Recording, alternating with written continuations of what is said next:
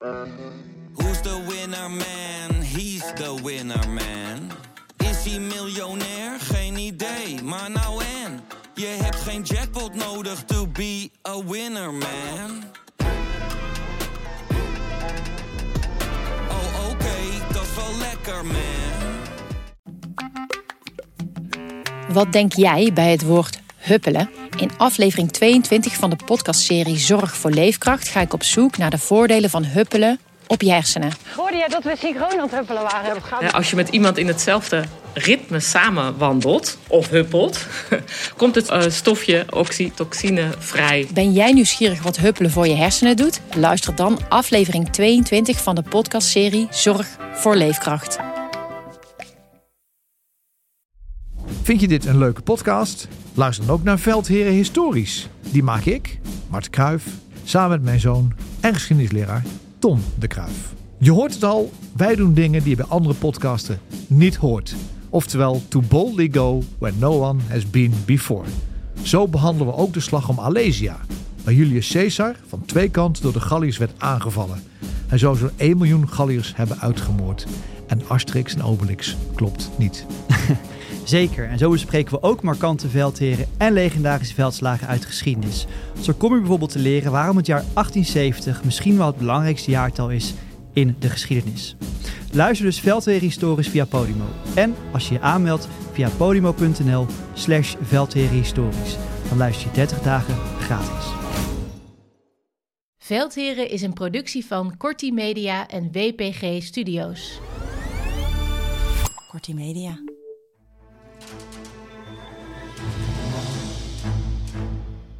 Ja, dit is een ingelaste aflevering van eh Veldheren die we op afstand van elkaar opnemen. We zitten dus niet in de studio bij elkaar. De luisteraar zal dat kunnen horen. Ik begrijp dat mijn eh, kwaliteit het minst goed is, maar uiteindelijk ben ik ook de minst belangrijke hier. Dus super fijn eh, dat Peter en Mart wel goed horen zijn. We konden natuurlijk niet wachten tot donderdag met een nieuwe aflevering. Zoveel gebeurt, heel veel berichten van luisteraars ontvangen, heel veel vragen. Meer dan 100 vragen hebben jullie ingestuurd.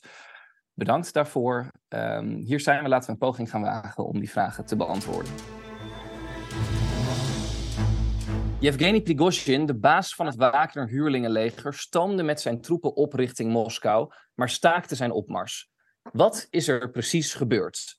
En het allerbelangrijkst, wat betekent de chaos in Rusland voor de situatie aan het front in Oekraïne? Peter, laat ik eens met jou beginnen. Hoe heb jij de eh, afgelopen 48 uur eh, beleefd? Lekker rustig. Ja?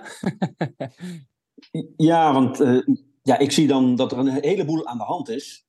Maar ik denk, dan laten we nou eerst eens even kijken hoe dit eh, uitfiltert, om het zo maar te zeggen. Eh, en ik zag een heleboel commotie, berichtgeving. Ik, ik begreep van onze redactiemedewerker Lauren dat Twitter zo ongeveer ontplofte. Ehm, dus ja, jongens, laten we nou even kijken wat er precies gebeurt en wat de consequenties zijn. En als we op dit moment terugkijken, dan, eh, ja, dat is misschien een, een understatement, maar dan valt het allemaal nogal mee. Gaan we het zo over hebben. Marten, hoe waren de afgelopen 48 uur voor jou? eh hectisch. maar dat komt ook omdat eh, iedereen mij dan begint te bellen in die hectiek die hier gewoon Peter net eh, beschrijft. En het eerste wat je zegt is eh, even tot tien tellen. Wat is er nu eigenlijk precies aan de hand? Maar één ding was voor mij wel duidelijk vanaf het begin. Hier is maar één, één winnaar. En dat is Oekraïne. Dat is de enige winnaar van de afgelopen 48 uur. Peter, we hebben vrijwel elke week staan we in onze podcast wel even stil bij de acties van Prigozhin. Had jij voor mogelijk gehouden dat hij hiertoe in staat was? Ik acht hem tot alles in staat. En eh, de vraag is natuurlijk waarom heeft hij dit gedaan? En dan kun je allerlei eh, ja, redenen bedenken. Voelde hij zich nou gewoon gedwongen omdat eh, ja, hij een contract moest gaan tekenen met het ministerie van Defensie, waarvan wij in onze vorige podcast dachten van dat heeft hij misschien gedaan. Maar wat nu dus blijkbaar weer een grap eh, schijnt te zijn geweest, dat hij het wel gedaan zou hebben. Dus voelde hij zich gedwongen? Of werd hij gewoon overmoedig? Hè? Dat hij zichzelf moest blijven overschreeuwen om aandacht te krijgen. Dus ehm, ja, dat, dat, in dat hoofd kunnen we ook niet kijken. Maar ja, ik moest wel onmiddellijk denken aan eh, een oude baas eh, van mij, eh, Maarten Schouten, die ooit zei dat als mensen in de media kwamen, dan hadden het meestal maar drie redenen. En dat was ijdelheid, frustratie of naïviteit. Nou ja, ik denk dat bij meneer ze alle drie opgaan. ja, ik denk dat we dat wel kunnen stellen. Laten we zo wat beter gaan kijken wat zich nou de afgelopen twee dagen uh, heeft afgespeeld. Um, maar voor ons is het interessant om te kijken, wat gebeurt er nu op het front? Zien we daar een reactie? Um, Mart, zie jij vanuit Oekraïnse kant een reactie op de chaos in Rusland? Nou ja, los van het feit dat mensen aan het front er heel ontspannen uitzagen en allemaal popcorn uh, aan het uh, eten waren gisteren, uh, kun je dat natuurlijk nu nog niet zien. Want Prigozhin had zijn troepen weggehaald van het front. Hè. Die waren, zoals wij het noemen, in een assembly area, een verzamelgebied aan het refitten, aan het herstellen. de Russische troepen aan het front zitten daar nog gewoon. Het offensief gaat ook gewoon door. Ook gisteren is er gevochten. Maar het termijn zit, zit natuurlijk vooral op lange termijn en tussen de oren. Als jij in uh, de loopgraaf zit en je ziet dat uh, jouw baas ruzie heeft met een andere baas en dat er geen eenheid van opvatting uh, is, dan vraag jij je af van waarom vecht ik eigenlijk? En dan komt nog eens een keer een boodschap bij, wat Prigozhin heel duidelijk zei, van deze oorlog is begonnen om de verkeerde redenen. En dat gaat natuurlijk invloed hebben op het leiderschap en de motivatie van het Russische leger in de verdediging. Wat en in hoeverre dat gaat rijken, dat weten we niet. Maar de komende twee weken gaat veel duidelijker worden. Eén ding, dit werkt niet voor de Russen, dit werkt voor Oekraïne op het slagveld. Ik krijg een vraag van een uh, luisteraar, Jeroen. Hij schrijft ons, heren, hoe werkt iets als dit, denken jullie, bij soldaten aan het front? Weten zij dit bijvoorbeeld al of zijn ze volledig ontstoken van informatie? En als het wel doorkomt, wat gaat er dan rond in die koppies? Uiteraard speculatief, maar wat denken jullie? Peter, wat denk jij? Nou, dan moeten we even kijken hoe de Russische soldaten sowieso al proberen te overleven. Uh, ik weet niet of uh, al die lui zo gemotiveerd zijn om echt het gevecht aan te gaan. Uh, en je ziet dat de, Russische strijdkrachten al moeite hebben om leidinggevenden uh, op locaties te krijgen. Waar ze dan ook de, de militairen motiveren, linksom of rechtsom, met zachte hand of met dwang. om hun militaire taak uit te voeren. Nou, er zijn regelmatig zijn er uh, ja, toch wel berichten over uh, blocking uh, forces. Dus dat, er, dat ze meer betrouwbare troepen achter de voorste linie zetten. Om te voorkomen dat lui deserteren of terugtrekken. Dus het moreel is al niet al te hoog. En dan krijg je echt te horen, want ik denk dat dat bericht als een lopend vuurtje door de krijgsmacht is gegaan. tot op welk niveau weet ik niet. Maar ik denk dat in ieder geval veel leidinggevenden het te horen zullen hebben gekregen. En uh, ja, die zullen echt op hun hoofd hebben gekrapt van wat doen we nu? En dan krijg je het spel dat Precaution eigenlijk om steun vraagt. En uh, ja, de reguliere strijdkrachten zeggen van uh, wat Precaution doet, dat doen we niet. uiteindelijk wordt de hoogste baas, Poetin, wordt, voelt zich gedwongen om op tv te komen. Dat gaat dus ook door iedereen heen. Dus uiteindelijk krijgen al die militairen te horen. En ja, ik zou absoluut niet blij zijn als ik in de frontlijn zat en wist dat er in mijn eigen thuisland uh, zoiets aan de gang was. Nee, want um, andere vraag van een luisteraar, Paul Ploos van Amstel. Uh, die vraagt: wat doen de gebeurtenissen van gisteren met het moreel van Russische militairen in Oekraïne? Een moreel waarvan we weten dat het al zo slecht is, toch, Mart? Als soldaten die weten dit. Hè? Wij noemen dat op de KMA de kadetsergeant gerucht. Uh, die slaapt nooit, die is er altijd. Uh, zijn uh, optredens komen altijd door. Dus in de loopgraven krijg je dit te horen. Dat kan niet anders. En voor de soldaat is motivatie, dat zijn er twee dingen. Een soort grote, diepe motivatie, vechten voor je vaderland. En de motivatie, je vecht voor de buddy naast je, hè, die naast je in die loopgraaf zit als je vecht voor het vaderland en je hoort dat je het eigenlijk om de verkeerde redenen doet, heeft dat natuurlijk effect op de man in de loopgraaf of de man en de vrouw in de loopgraaf. Dat, dat kan niet anders. Alleen om dat nou te kwantificeren, je kunt niet zeggen dat scheelt dus 4 kilometer per dag met het offensief. Zover zijn we nog niet. Dat gaan we komende weken zien. Maar uh, voor het moreel van de troep is dit natuurlijk een hele slechte. En als we het dus omdraaien, hoe is dit uh, voor Oekraïnse soldaten? Mart?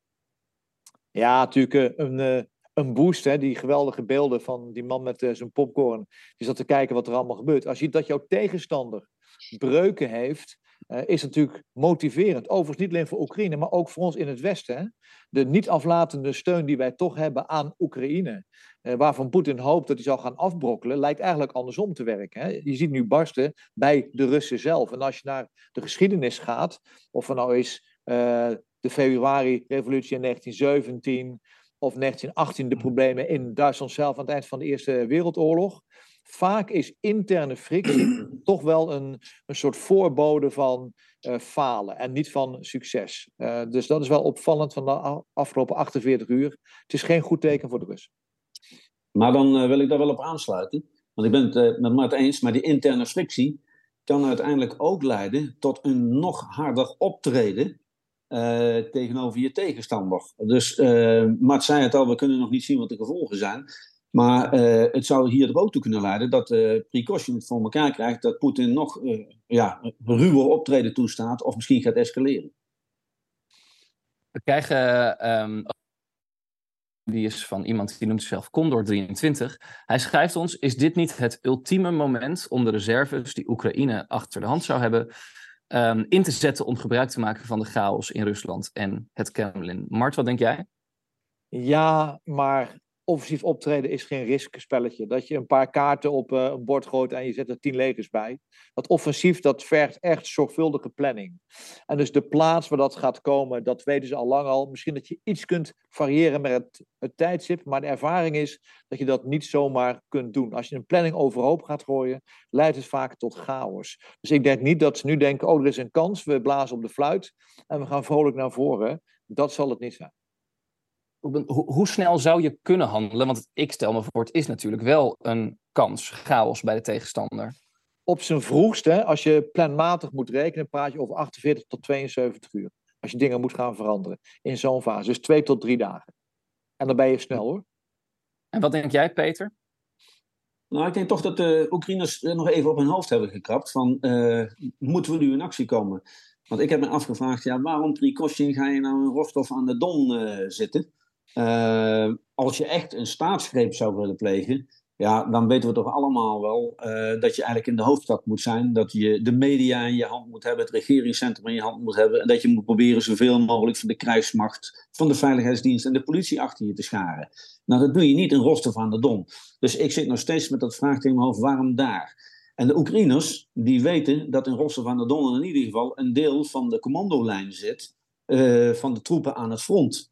Dus ja, dat zou een moment kunnen zijn waarop je zegt van, ja, als nou de aansturing van de troepen aan het front niet helemaal goed is, dan is dat het moment om, uh, om, om een uh, slag te slaan. Dus ik denk dat die afweging wel gemaakt is bij de Oekraïners, maar tot nu toe zien we daar uh, niet een veranderende houding in of een wijziging van een tijdschema of zo.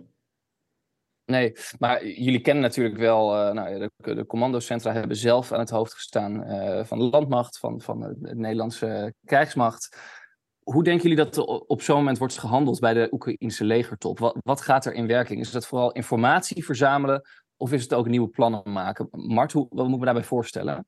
Nee, je maakt geen nieuwe plannen, want die nieuwe plannen voor zo'n offensief zijn zo uitgebreid. Logistiek, manoeuvre, luchtmacht, luchtverdediging, dat kun je niet zomaar wijzigen. Moet je nauwkeurig op elkaar gaan afstemmen. Maar ik denk dat ze eerst hebben gekeken van wat is hier nou aan de hand? Net zoals wij, wat is hier nou aan de hand? En wat is nou het effect van, het bezetten van Rostov? Niet alleen een commandolijn, maar ook uh, Rostov, maar ook een hele belangrijke logistieke hub. Wat zijn daar de consequenties van? En als je te vroeg reageert hierop, hè, uh, dan heb je kans dat je dus een soort bal in werking zet die je niet meer kunt tegenhouden. Dus je gaat eerst even analyseren. Wat is hier aan de hand tegen de dikke boom zitten? En even geduld hebben. En ik denk dat ze dat slim hebben, hebben gedaan. Ze zijn niet met de in de fik rond gaan lopen. Uh, maar nogmaals, het voordeel zit ook niet op korte termijn. Het voordeel is echt op lange termijn. Als je die loopgraaf ingaat, als je het offensief met die beslissende stootkracht ingaat, hoeveel weerstand levert dan de Rus? Dat is cruciaal. Ja, in, de, in, in, de, in de bronnen lees je ook dat de Amerikanen uh, al eerder zicht zouden hebben op zo'n plan van precaution. Nou, uh, ik kan dat niet uh, bevestigen. Ik neem dat even aan. Uh, maar als dat zo is, dan neem ik wel aan dat ze dat gedeeld hebben met de Oekraïners. En die dan ook op zijn minst uh, een enkel scenario uh, hebben bedacht van tevoren. Van hoe, hoe, wat moeten we daarmee, hoe zouden we daarmee kunnen reageren. Dus ik denk niet dat de Oekraïners compleet verrast waren. Nee, dat denk ik ook niet. En om even door te gaan op dat, op, dat plan. ze hebben, Prigozhin heeft met zijn hele krijgsmacht, heeft hij zeg maar, uh, bijna negen maanden nodig had om een stadje van 60.000 personen, die er overigens niet meer leefden, in te nemen. Uh, en hij heeft drie uur nodig gehad om Rostov in uh, te nemen. En dat duidt volgens mij op twee dingen. En ik kan het niet bewijzen. Maar één, er is gewoon een plan. Je rijdt ook niet zomaar even door naar Moskou. Dat moet je fixen. Logistiek moet je gewoon fixen. En het tweede is, er waren volgens mij ook Russen die ervan wisten. En er is totaal geen weerstand geweest binnen Rostov zelf. En dat maakt het zo intrigerend wat hier nou gebeurt. Wat is hier nou precies gebeurd? En dat zal na de oorlog best wel eens een keer een, een focus zijn, de afgelopen 48 uur. Dus het kan niet anders als het ook Russen zelf ervan hebben geweten, in mijn ogen. Wat jij ja, zegt, en, en dat, Jos, uh, en, en dat weet Poetin en zijn clan ook. Dus die zullen zich echt afvragen van, wat zit er nog meer voor mannetjes, uh, vroeger noemden we dat groene mannetjes, wat zit er nog meer van mannetjes ergens in Rusland, cellen van mensen die toch bereid zijn om actie te nemen tegen ons beleid en tegen onze leiding in. Dus ook, we hebben het over moreel van de troepen. Ook daarboven in Moskou zullen een aantal mensen niet lekker op hun stoel zitten. Ik vind het wel interessant om nog iets concreter in te gaan op, op wat Mark net zegt. Want daar hebben we veel vragen van luisteraars over gekregen. Bijvoorbeeld Evert-Jan Daniels, Robert via Twitter. Zij vragen inderdaad, hoeveel tijd heb je nodig om een operatie zoals Wagner die gisteren ondernam, om die voor te bereiden? En kon deze Wagner-opstand eenvoudig georganiseerd worden, militair logistiek? Of heeft Wagner dit langdurig moeten plannen wat betreft routes en in te nemen locaties? Als het planning vraagt, is het dan te verwachten dat dit zonder enige steun binnen of om het Kremlin kon gebeuren. En eigenlijk hoor ik jullie zeggen, er moet van geweten zijn. Ja, ja, ja het was uh, Mart die de opening deed, dus uh, Mart, pak hem op. Nee, maar zeker in uh, Rostov moet je van geweten hebben. Daar is geen weerstand geweest. Hè? Tenminste, niet dat wij weten. Het plan zelf, daar heb je gewoon 24, maximaal 48 uur nodig. Het was niet zo'n moeilijk plan. En je pakt een aantal primaire gebouwen en locaties in Rostov, het vliegveld, het hoofdkwartier van uh, de regio Zuid. Uh, dan ben je eigenlijk klaar. En de weg naar Moskou was ook simpel. Eén snelweg, de M4, en die rijden gewoon omhoog. Alleen je moet wel even zorgen dat je voertuigen kunnen blijven rijden. Dus de tanks stonden op diepladers, dat doe je niet zomaar. De voertuigen waren afgetankt, dat doe je ook niet zomaar. En het feit dat je tot op 200 kilometer van Moskou kon rijden op een snelweg die relatief eenvoudig tegen te houden is. Ik bedoel, geef Peter en mij 100 man en we zijn klaar. Daar komt niemand doorheen. Dat is wel opvallend dat je toch zo dicht bij uh, Moskou kunt komen. Dus dat is gepland, dat kan niet anders. En daar hebben mensen van geweten ja, laten we ook uh, vooral uh, in herinnering houden dat hij zijn troepen bijna allemaal, uh, precaution heb ik het over, vrij indeelbaar had. Want ze waren bijna allemaal terug van het front, waren hun wonden aan het lekken. Hij was met zijn logistiek bezig. Dus hij, had ook de vrijheid van handelen met zijn middelen. En hij zal er inderdaad plannen voor hebben gemaakt. Um, wat Mart al zei, je rijdt niet zomaar dwars door Rusland heen richting Moskou. Uh, en dat weet uh, de clan van Poetin ook. En toch voelden ze zich zo gedwongen dat uh, Poetin uiteindelijk op tv moet komen. En dat ze in, in Moskou allerlei ja, veiligheidsmaatregelen hebben genomen. Dus ja, niemand voelt zich daar lekker. Geen van beide partijen. En verder zou ik even Jan Daniels nog een keer willen bedanken voor de mooie foto's. Kijk, heel goed. hopelijk heeft hij het gehoord. Kijk, ik heb uh, heel erg veel gevolgd van het nieuws uh, de afgelopen twee dagen. Een beetje beroepsmatig uh, ook natuurlijk. en ik heb heel veel termen voorbij horen komen. Een koe, een burgeroorlog, muiterij, persoonlijke veten. Hoe zouden jullie kwalificeren wat jullie de afgelopen 48 uur hebben gezien, Mart? Ja, dat is wel een hele goede vraag. kijk, dit was dit was geen burgeroorlog, dat was het niet. Het was ook geen muiterij, want dan zou je formeel deel moeten uitmaken van het Russische leger. En dat deed Prigozhin niet. Maar het was wel een coup. Het was wel uh, een punt dat hij even wilde maken. Waarschijnlijk gerelateerd aan het feit dat Shogu er alles aan heeft gedaan om uh, de Wagnergroep onder zijn controle te brengen met het tekenen van die contracten. Dat heeft waarschijnlijk Prigozhin de vlucht naar voren genomen en dit gedaan en dit laten zien en zegt, hoe kom ik hier het beste uit? En het beste uit is een beetje shock en all. Dat is richting uh, Moskou gaan en dan kijken of je een deal kunt maken. Dus er is achter de schermen, is er ongetwijfeld, misschien wel onafgebroken contact geweest tussen Prigozhin en het leiderschap in Moskou. Wat mij vooral opviel, was de paniek in Moskou. dus, dus als mensen hebben geweten, maar een hele kleine cirkel. Maar het feit dat alle vluchten naar het buitenland gelijk waren uitgeboekt. Dat de privélegers van de FSB en van Poetin in staat van paraatheid werden gebracht. Dat zijn allemaal wel tekenen voor lichte paniek.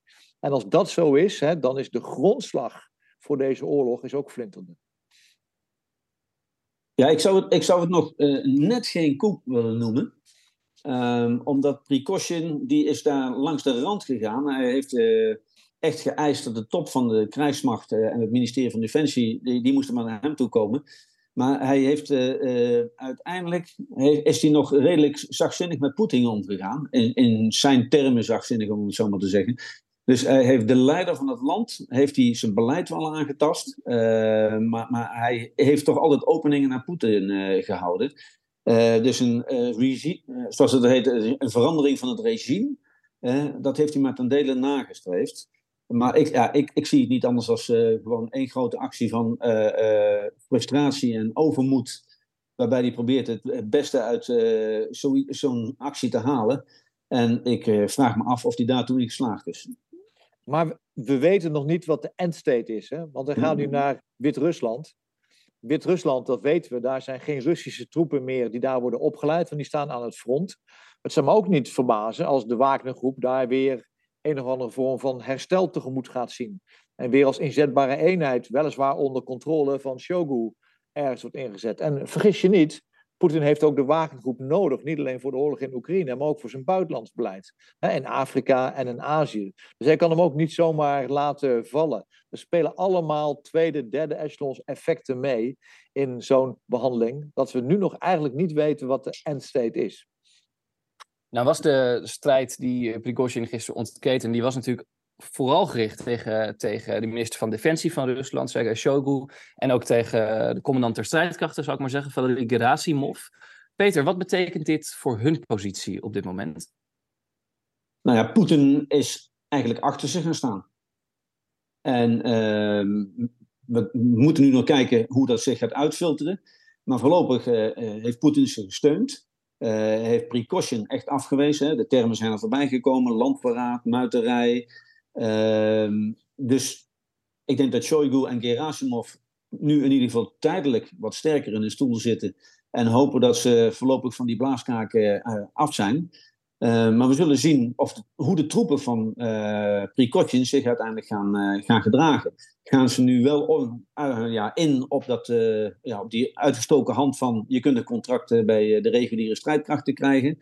Ehm, we weten dat Gurovkin, toch eigenlijk een generaal van de Russische strijdkrachten, die toch echt een vriendje van Prigozhin is, die heeft echt gekozen nu voor uh, toch het tijdelijk ondersteunen van Gerasimov, uh, Shoigu en, en Poetin.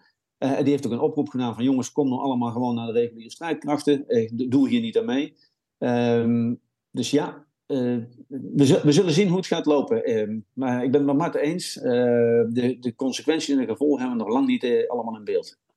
en opvallend is in de speech van Poetin dat hij eigenlijk teruggreep naar het grote tsarenrijk van de Russen en de ondergang daarvan, namelijk de revolutie in februari 1917.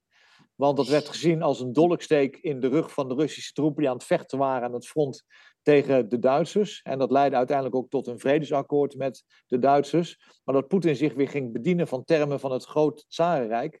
Uh, dat is wel heel uh, opvallend. Hè? De dolksteek in de rug is echt een legende die in Rusland speelt. En dat soort termen, dat gebruikte hij in deze. Dus hij bracht het ook gelijk groot, tsaristisch. Het vaderland wordt weer aangevallen en we laten onze troepen nu niet meer in de steek. Dat was zijn insteek.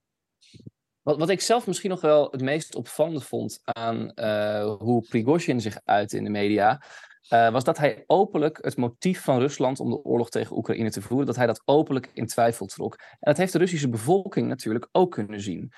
Is dat, denken jullie, uh, Peter, ik vraag mij van jou, is dat funest voor het draagvlak van Poetin onder zijn eigen bevolking?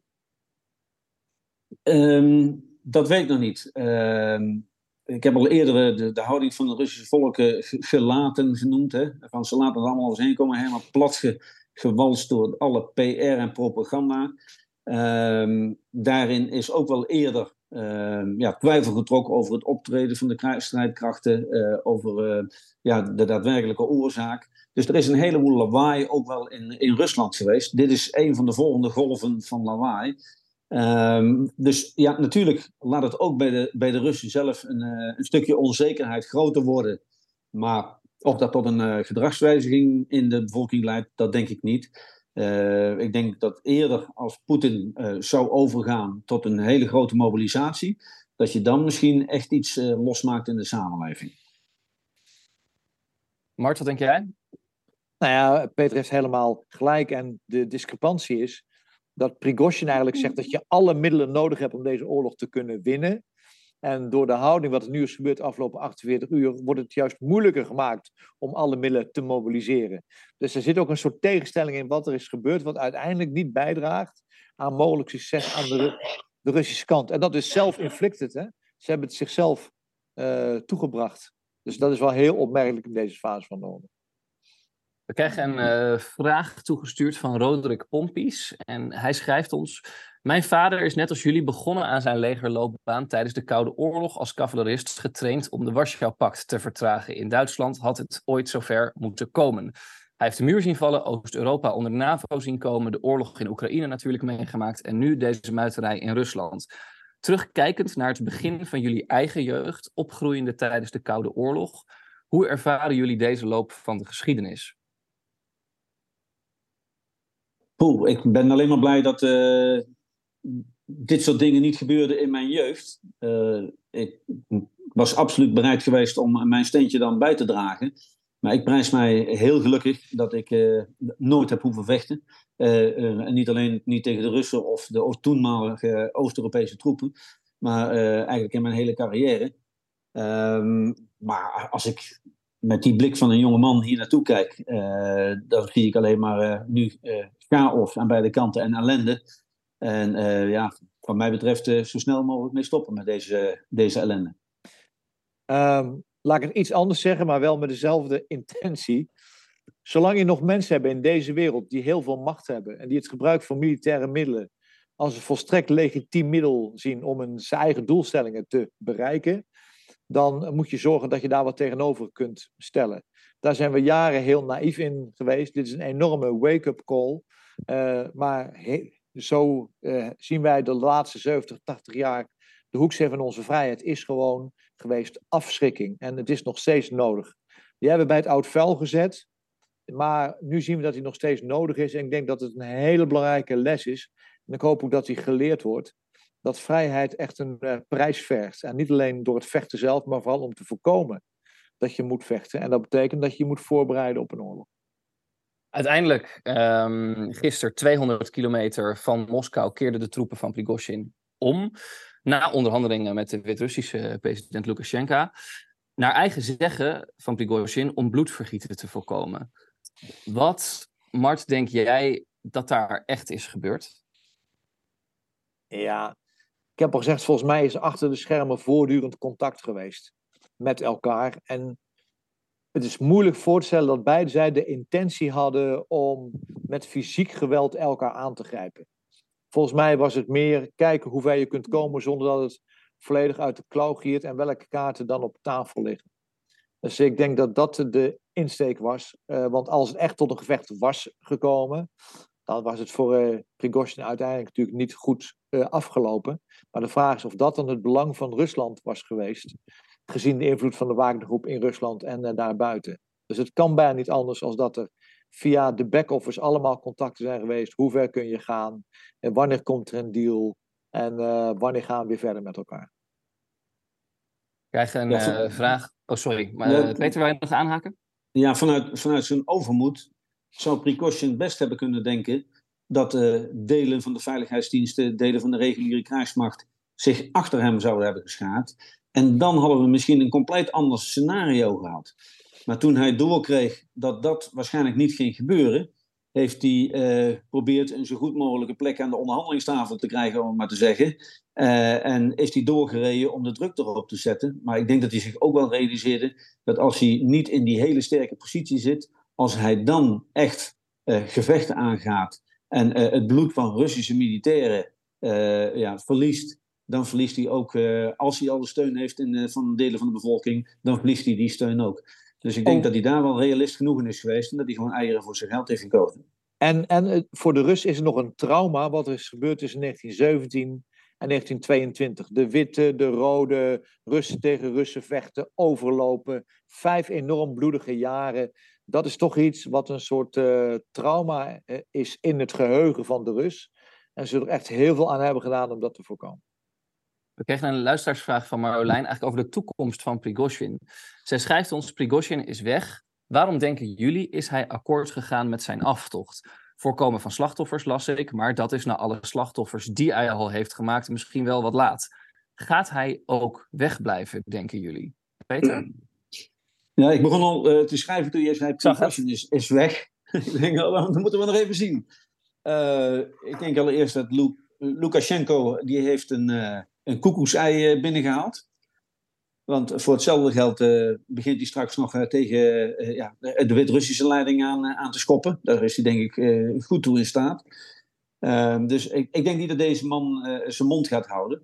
En zeker niet de, zijn grip op zijn eigen troepen zal loslaten. Dus deze gaat zich beraden op deze situatie en kijkt dan waar hij gewoon verder kan met zijn leven. Eh, en ik denk dat het minimale wat hij eruit wil halen is dat hij gewoon in het buitenland, dus buiten de Russische Federatie, eh, dat hij daar gewoon zijn ding kan blijven doen. Maar eh, in de ambitie van deze man zit veel meer. En wie weet wat er nog uit deze doos van Pandora komt. Ja, want stel dat Rusland deze oorlog nog meer gaat verliezen dan tot nu toe. En de enige die een beetje militair succes tussen aanhalingstekens heeft bereikt, is Prigozhin. En hij is best wel populair onder de soldaten. Omdat hij resultaten heeft bereikt, maar ook zich aan het front laat zien. In tegenstelling tot Shogu en Gerasimov. Als die aan het front komen, zijn dat gescripte bezoeken, niet echt. En, en het zou best kunnen, als het dus slecht gaat, dan, dan de roep om Prigozhin dat hij niet weggaat. Dus hij moet overleven. Maar voor hetzelfde geld valt hij morgen uit de raam. Dat weten we niet. Er kan van alles gebeuren. Maar als deze oorlog slecht gaat, heeft hij weer een kans. En dan zien we hem weer terug. En dan misschien nog een blik op de toekomst van de Wagner-groep in de oorlog in Oekraïne. Hoe zien jullie dat? Gaat de Wagner-groep nu meevechten met de Russische soldaten? Zou, de- zou het Russische beroepsleger dat überhaupt zien zitten? Mart, wat denk jij hoe dat er in de komende periode uit gaat zien? Ja, vind ik een hele goede vraag. En voor mij ontzettend moeilijk eh, te duiden. Want als je in een Wagnergroep zit en je wordt goed eh, betaald en je arbeidsvoorwaarden zijn goed en je hebt het gevoel dat je deel uitmaakt van een elite-eenheid die succes heeft. En plotseling wordt dat anders, moet je een contract tekenen.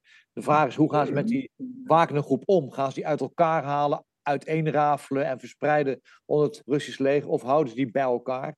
Groot risico natuurlijk als je dat laatste doet. Dus echt de vraag wat ze ermee gaan doen.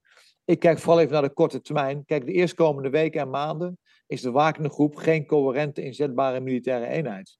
En dat gaan ze consequenties hebben voor de oorlog de komende weken en maanden. Later denk ik dat we wel in een soort Wagnergroep zullen terugzien. De FSB heeft er een, Kadyrov heeft er een, eh, Poetin zelf heeft er een. Dus het zal ongetwijfeld wel weer in een of andere vorm terugkomen, ook omdat het zo belangrijk is voor het buitenlands beleid van Poetin. Maar op korte termijn gaan we de Wagnergroep als entiteit niet of nauwelijks terugzien. Zoals ik eerder al zei, we kregen ongelooflijk veel vragen van luisteraars binnen voor deze aflevering over de opmars van Prigozhin. Onmogelijk om ze allemaal te beantwoorden, maar laten we er nog een paar ehm, gaan bespreken. Vraag van Gerben van Driel. Hij schrijft ons: Hoe worden de ontwikkelingen gevolgd in het Pentagon of het NAVO-hoofdkwartier? Hoge staat van paraatheid, met welke scenario's houden ze waarschijnlijk rekening? En zou een machtsvacuum in kernmacht, in kernmacht Rusland aanleiding kunnen zijn om op te treden? Nou, eh, één ding is zeker, eh, in het Pentagon en in Brussel wordt dit nauwlettend gevolgd. Eh, sowieso is men daar eh, 24 uur per dag, 7 dagen in de week bezig om dit conflict te volgen. Of deze oorlog moet ik zeggen. Laat ik nou niet het Russische woord of eufemismes gebruiken. Ehm, dus deze ontwikkelingen worden daar zeker gevolgd. We zeiden al eerder, de Amerikanen hadden al indicaties dat Prigozhin zo'n plan had. Dus men heeft daar denk ik eh, toch wel een thermometer in zitten en houdt men dat goed in de gaten wat Prigozhin eh, doet. Ehm, als, eh, en dan gaan we nu als dan vragen beantwoorden. Dat is altijd, moet je eigenlijk niet doen hè. Ehm, maar als het zou hebben geleid tot een machtswisseling, dan waren we met z'n allen denk ik heel nerveus geworden. We hebben al eerder gezegd, ja, uh, beter is het uh, om je vijand misschien te kennen, dan dat je niet weet waar het dan naartoe gaat. Want we moeten er toch niet aan denken dat zo'n meneer als Precaution aan het hoofd van dat land komt te staan. Maar nog iets aan toe te voegen? Nee. Nou, uitstekend. Gaan we door naar de volgende. Die is van Aldrik Smits Dumoulin. Hij schrijft ons: Vroeger kregen strijders land en geld. Zou het niet zo kunnen zijn dat Prigozhin Wit-Rusland cadeau krijgt, Lukashenko vertrekt, misschien ziek, en dus Prigozhin vanuit Belarus met kernwapens een positie krijgt om uiteindelijk Oekraïne op de knieën te krijgen? Een vooropgezet spel dus. Ook een beetje een als dan, maar ik ben wel benieuwd. Mart, wat denk jij? Ja, een hele creatieve oplossing. Maar ik denk niet dat Lukashenko hieraan gaat meewerken. Dat is één. En het tweede is, we moeten heel duidelijk zijn over kernwapens. De controle over de kernwapens ligt altijd bij de Rus. En die zal hij nooit weggeven. Niet aan Lukashenko en zeker niet aan Prigozhin. Dus eh, de controle, de plaatsing in Wit-Rusland, dat is meer iets wat je gebruikt in je communicatie naar de buitenwereld om een punt te maken. Maar het is niet zo dat Lukashenko ook maar in de buurt komt van de knop van inzet van een kernwapen. Dat is echt allemaal centraal in de hand van Poetin. Dat zal ook zo blijven. Dus ja, dat laatste zeker niet. Kernwapens, daar maak ik me altijd zorgen om. Maar die zorgen zijn zeker niet toegenomen wat er nu gebeurt. En ik denk Lukashenko, een beetje kennen uit de media, zal hij dit meer zien als een boost voor zijn macht dan een inbreuk op zijn macht. Ja, ik wil er nog wel iets aan toevoegen. Uh, want uiteindelijk is, en blijft Poetin de grote regisseur uh, die alle balletjes in de lucht probeert te houden. En die heeft momenteel totaal geen behoefte aan gedoe in Wit-Rusland. Hebben mensen, de luisteraars, ook de filmpjes gezien van een Wit-Russische meneer, althans iemand die zich voordoet als Wit-Russische meneer, die gewoon herkenbaar in beeld is en eigenlijk oproept van, nou jongens, laten we dan maar gelijk in Wit-Rusland ook doorpakken. Uh, dus uh, daar heeft Poetin nu helemaal geen behoefte aan. Hij heeft zijn handen vol aan de oorlog met Oekraïne. En kan in Wit-Rusland dit soort scenario's helemaal niet gebruiken. Daarop voortbedurend krijgen we ook een vraag van Dennis Doeze-Jager. Hij schrijft: Het is allemaal een beetje onwerkelijk. Zou dit een act kunnen zijn om zand in de ogen van Oekraïne en het Westen te strooien? En dat er een aanval wordt voorbereid vanuit Wit-Rusland op Kiev? Nou, ik, weet, ik, ik vind dit wel uh, mooi bedacht. Uh, en in Hollywood, films zal het ongetwijfeld uh, mogelijk zijn. Maar dan kijk ik toch even naar Poetin, die zich gedwongen voelt om het volk toe te spreken.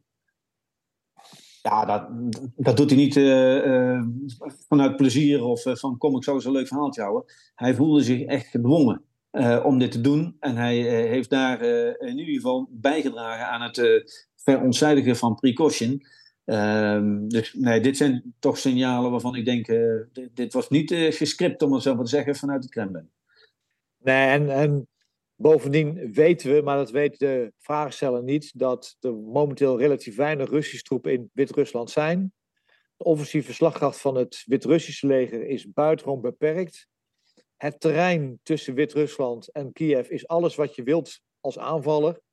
Dus uh, ik acht de kans heel erg klein, maar zeer creatief bedacht. Mijn complimenten. Complimenten dus. Uh, nog één vraag kregen we binnen via Twitter van iemand die noemt zich Her Life. Zij schrijft: Wagner werd gefinancierd, gefinancierd door Poetin. Maar wie gaat hen nu betalen? Ja, dat is niet helemaal zo. Want Wagner heeft ook gewoon deals gesloten met landen als in Mali en de Centraal-Afrikaanse Republiek, dat ze een gedeelte van de opbrengsten van grondstoffen krijgen of zelf mogen uh, verhandelen. Dus het is zeker niet uh, de enige geldstroom. In tegenstelling tot Kadyrov, de Tsjetsjen, die is financieel bijna helemaal afhankelijk van wat uh, Poetin wil. Dus het is niet helemaal zo. Ja, maar aan de andere kant weten we het natuurlijk niet. maar ook daar komt de vraag weer terug. Ja, Poetin heeft ook de Wagnergroep eigenlijk nodig om zijn buitenlands beleid ook gestalte te geven. Dus ook Poetin heeft niet absoluut de vrijheid van handelen om de Wagnergroep even naar rechts te richten en Prigozhin opdrachten te geven. Dus ook dat is echt een machtsspel wat Poetin nu aan het spelen is. En dat zien we de komende tijd wel uitwerken. Laten we afsluiten met een vraag van Joop Meijer. Hij schrijft ons: dwingt dit binnenlandse probleem Poetin tot de onderhandelingstafel in Oekraïne? Peter, wat denk jij? Antwoord is simpel: nee.